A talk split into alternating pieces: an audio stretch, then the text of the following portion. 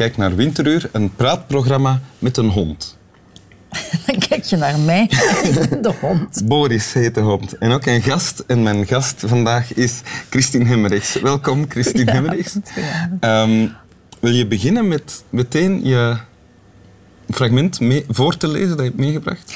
Ja, ik hoef het eigenlijk niet voor te lezen, want het is zo kort dat ik het uit mijn hoofd ken. Wauw. En het dus gewoon zo. This above all to refuse to be a victim. Dus dat je weigert een slachtoffer te zijn. Ja. En dat komt uit? Dat komt uit eh, dit boekje. Er zal wel een mooiere uitgave zijn geweest. eh, maar bon, van Margaret Atwood, Surfacing. En je ziet dat is in de reeks Virago Modern Classics. Ja. Dus dat, zijn, eh, dat is eigenlijk een reeks die begonnen is om feministische teksten te publiceren. Dus zij zijn... Virago is eigenlijk oudere teksten van, van vrouwen die verwaarloosd zijn geweest. Allee, het werk van die vrouwen is verwaarloosd Ja. geweest. Zijn zij opnieuw onder de aandacht gaan brengen. En dan hebben ze ook een reeks met modern classics. En dat is die Atwood. En wanneer heb je dit gelezen? Ik vermoed dat ik dat gelezen heb... Goh, waarschijnlijk ja, begin jaren tachtig. Begin jaren Dus 80. dat is echt lang, lang geleden. En dat was in een periode dat ik op zoek was naar een onderwerp voor een eh, doctoraatsthesis. Ja. En ik wist dus één ding. Ik wil dat het gaat over een, een schrijfster. Dus dat het eh, het werk is van een schrijfster. Ik vond toen dat ik al meer dan genoeg in mijn leven aandacht had besteed aan het werk van mannen. Dus je hebt je doctoraatsthesis over Margaret Atwood? Nee. uiteindelijk heb ik het niet over haar gemaakt. Maar ehm, zij is wel een van die, die teksten die ik in die periode ge- gelezen heb. En, en dat zinnetje... Het boek is nogal programmatisch. En dat vind ik ook niet zo interessant. Oké, maar dat zinnetje maakte indruk toen. Wel, laat ik zeggen, dat zinnetje vat voor mij de betekenis van het feminisme samen. Dus er bestaat over feminisme ontzettend veel misvattingen. Men zegt vaak, ja, dat zijn vrouwen die mannen haten. Of dat zijn vrouwen die hun BH's verbranden. Dus je krijgt heel veel clichés. Maar Terwijl die, voor die mij... zijn niet waar.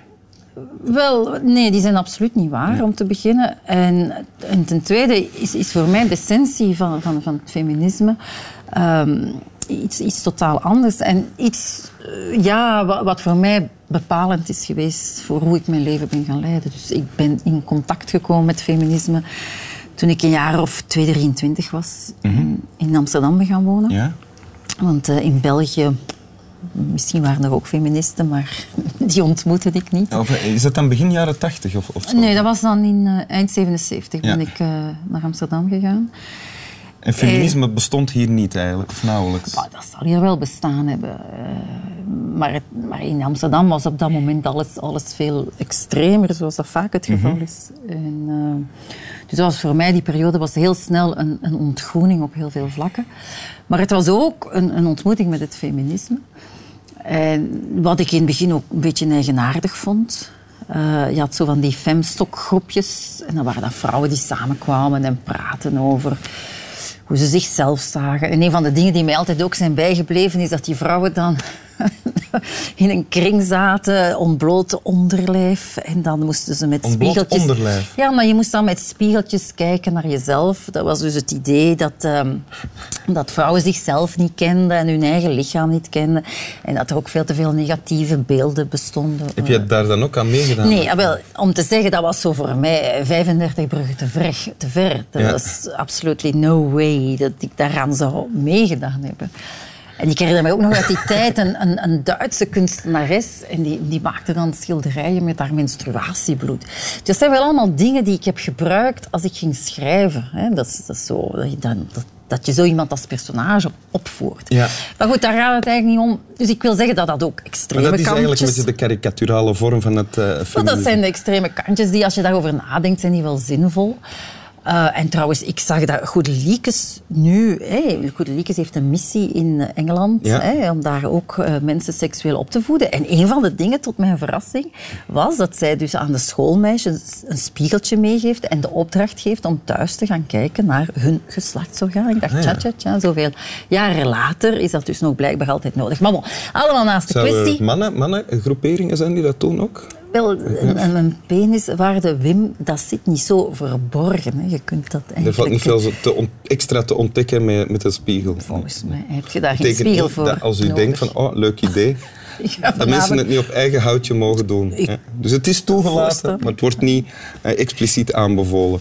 Jawel, maar er worden geen workshops La- voor georganiseerd. Ja. Terug naar, naar wat jij gekozen Ja, hebt als quote. This above all, to refuse to be a victim. Hmm. Wat betekent dat? Waarom eh, vat dat het, eh, het feminisme samen voor jou? Maar ja, wat ook een van de grote misvattingen over feminisme is dat men altijd zegt, ja, die, die vrouwen installeren zich in een slachtofferrol. Ze zien, alles is de schuld van de man en ze zien zichzelf als het slachtoffer. En dan denk ik, maar nee.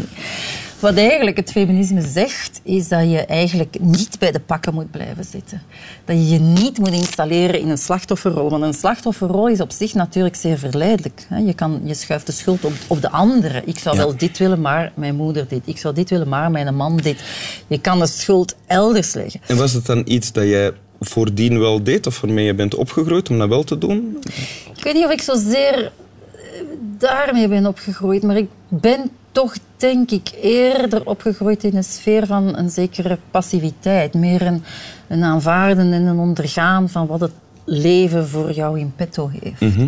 En dat, En dat was is veranderd? Dan, en dat was dan zeker, eh, god, ja, dus dat, je- dat je ambitie van wat je zou gaan doen, dat dat uiteindelijk, oh, dat je wist, ik ga eigenlijk al de betreden paden betreden. Het pad ligt daar. En dus als, als jonge vrouw was de kans heel groot dat bon, je, je zou gaan lesgeven, je zou trouwen, je zou kinderen krijgen, je zou bij de lokale turnkring gaan. Allee, Dat. Dus dat lag eigenlijk allemaal min of meer vast. En, en ik vond toen, maar misschien is dat verkeerd, maar in mijn aanvoelen was de mentaliteit meer passiever, was, was volgzamer. En, en die En heb Nederlanders nog altijd, die maar zijn heb meer jij van... dat dan ook van jezelf moeten afschudden? Of heeft, heb je door te lezen, onder andere Margaret Atwood, Wel, ik zag toen... Ik zag de kwijtgespeeld van jezelf? Wel, ik zag, ik, ik vond, ik zag de toekomst als iets heel donker en onaangenaam en zo. Ja, bijna alsof je zou worden geslachtofferd, letterlijk. Hè. Zo, je hebt ook in de literatuur, je hebt Iphigenia, die wordt geslachtofferd. Ja, je hebt ook heel vaak in, de, in romans trouwens het idee, als, zo- als zo'n vrouw gaat, gaat trouwen, dat dat bijna is je het blauwbaardverhaal, hè, dat ze geofferd gaat, Ja. gaat worden. Dus dat eigenlijk zeer veel negatieve beelden. Dus ik zag dat ook als een soort van fatum. Dat zal je dus wel doen en je zult daar niet aan ontsnappen. Het blijft natuurlijk relevant voor iedereen. Om je, het is nooit goed om je op te sluiten in een slachtofferrol. Ja. Eh, maar is er op dit moment nog, eh, en dan heb ik het over de mensen die hier wonen, eh, nog rele- even relevant voor vrouwen? Is het niet ondertussen even relevant voor vrouwen als voor mannen, bedoel ik? Oh ja, ik zie dat ook niet direct alleen als exclusief als een, een boodschap voor, voor vrouwen. Ik zeg alleen, hè, jij vroeg welke tekst heeft jouw leven bepaald. En dan kan ik zeggen, die boodschap. Ik heb ook ontdekt, niet sinds eh, korte tijd, dat daar een serieus nadeel is. Natuurlijk omdat ik niet mij wil opstellen als slachtoffer. Ja?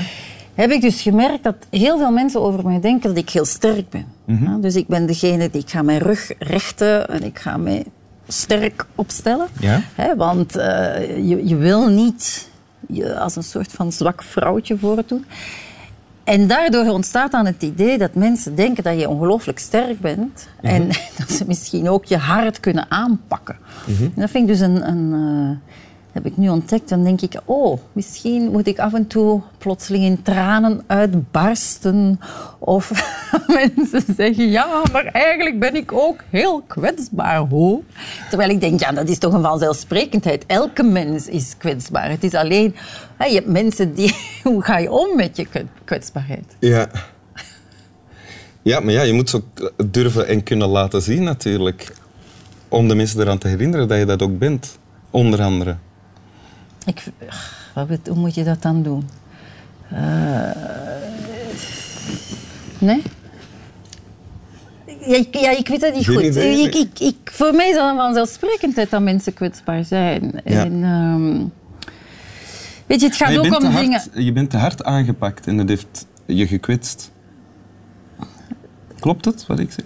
Ja, maar ik bedoel, iedereen die hard aangepakt wordt, zal daar toch wel door gekwetst zijn. Ik bedoel, het is zo'n eigenaardig idee. Als, je, als ik jou nou een map geef, dan, dan zal dat pijn doen aan je kaak, veronderstel ik, toch? De kans is groot dat ik ze... dat ik, ik ben heel snel in ontwijken, dus... eh Ja, Maar ik ben heel snel in bed buiten.